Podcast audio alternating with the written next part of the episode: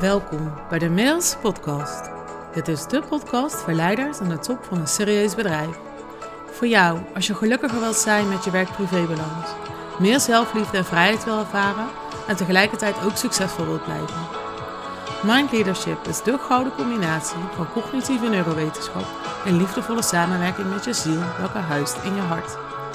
Wetenschappelijk onderbouwd en met liefde gebracht voor een succesvol en vervullend leven.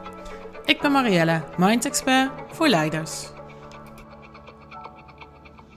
Vandaag wil ik het met je hebben over de uitdrukking tegen beter weten in.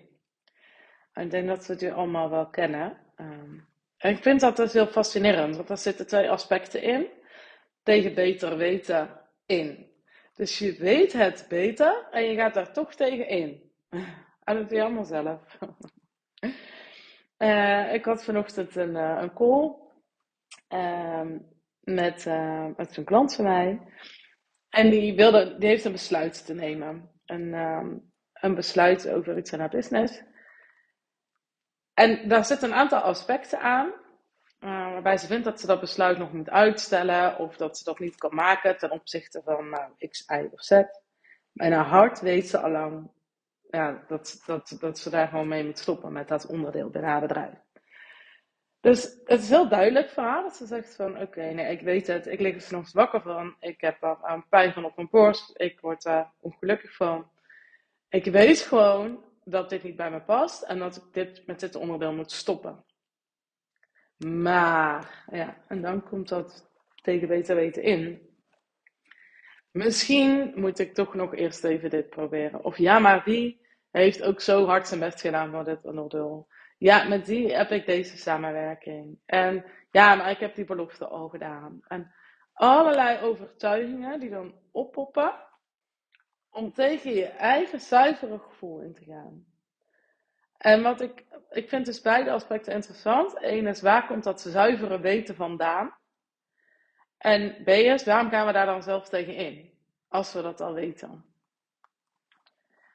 Dus dat is waar ik het vandaag met je over wil hebben. Omdat ik denk dat dit gewoon heel erg herkenbaar is. En um, wat ik je gun, um, is dat je meer gaat leren luisteren naar die stem van dat weten.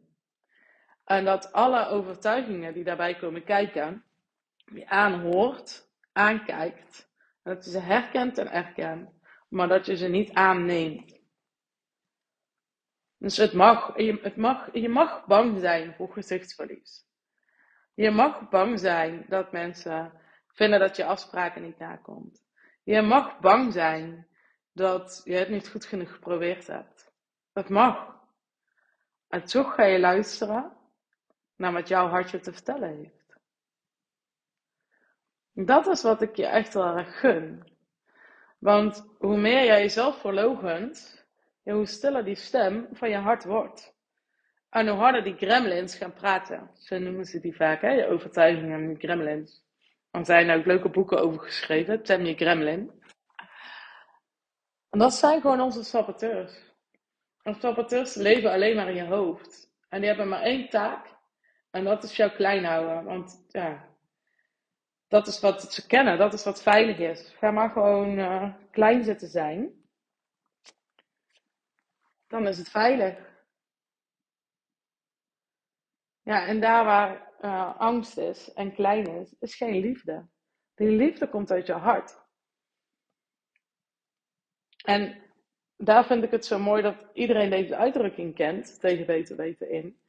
Iedereen herkent het. Jij ook. Jij weet wat ik nu bedoel.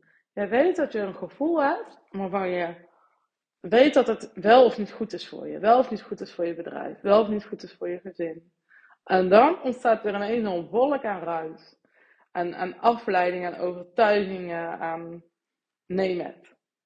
En waar wil je dan naar luisteren? En het is een, een dunne lijn, hè? want als leider heb je ook krachtig te zijn. En je hebt ook daadkrachtig te zijn en besluitvaardig. En je moet risico's nemen. En Natuurlijk.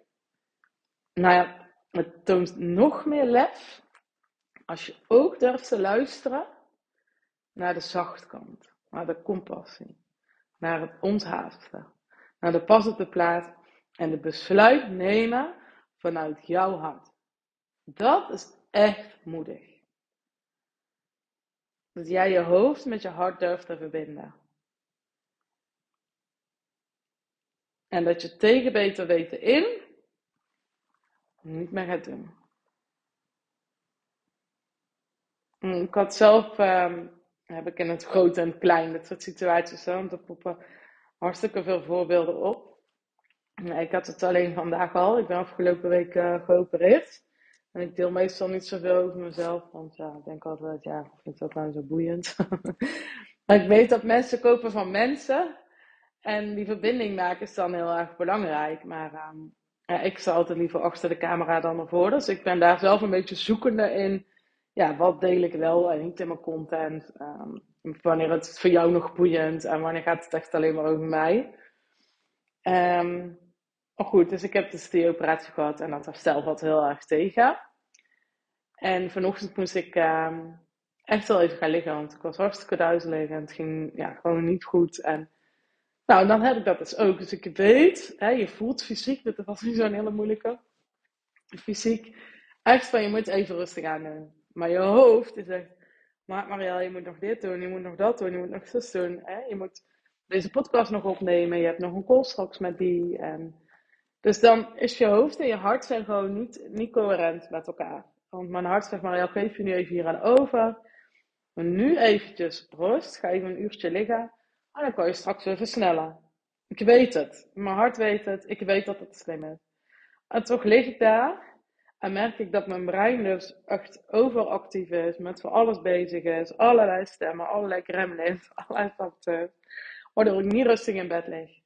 En dan kan ik nog wel realiseren, maar wel, dit is echt helemaal dom? Nu lig je hier en dan pak je die rust niet. Nu moet je dan ook die rust nemen. En nu kan ik zelf steeds beter in die overgave gaan. Omdat ik gewoon snap dat het niet slim is om daartegen te blijven strijden. Het is echt een strijd die je met jezelf hebt. Ja, en, dat, dat is dan hè, het kleine voorbeeld. Uiteindelijk heb ik een, uur heerlijk gelegen. En uh, ben ik daar fit opgestaan. Super goede call gehad. Dat ik gewoon lekker scherp. En kan ik nu deze podcast weer opnemen. En uh, ga ik zo direct een, een, fijne lunch voor mezelf maken. Ga ik ook weer goed voor mezelf zorgen. Ja, en dit, dit had ik, um, nou ja, drie jaar geleden echt niet gekund.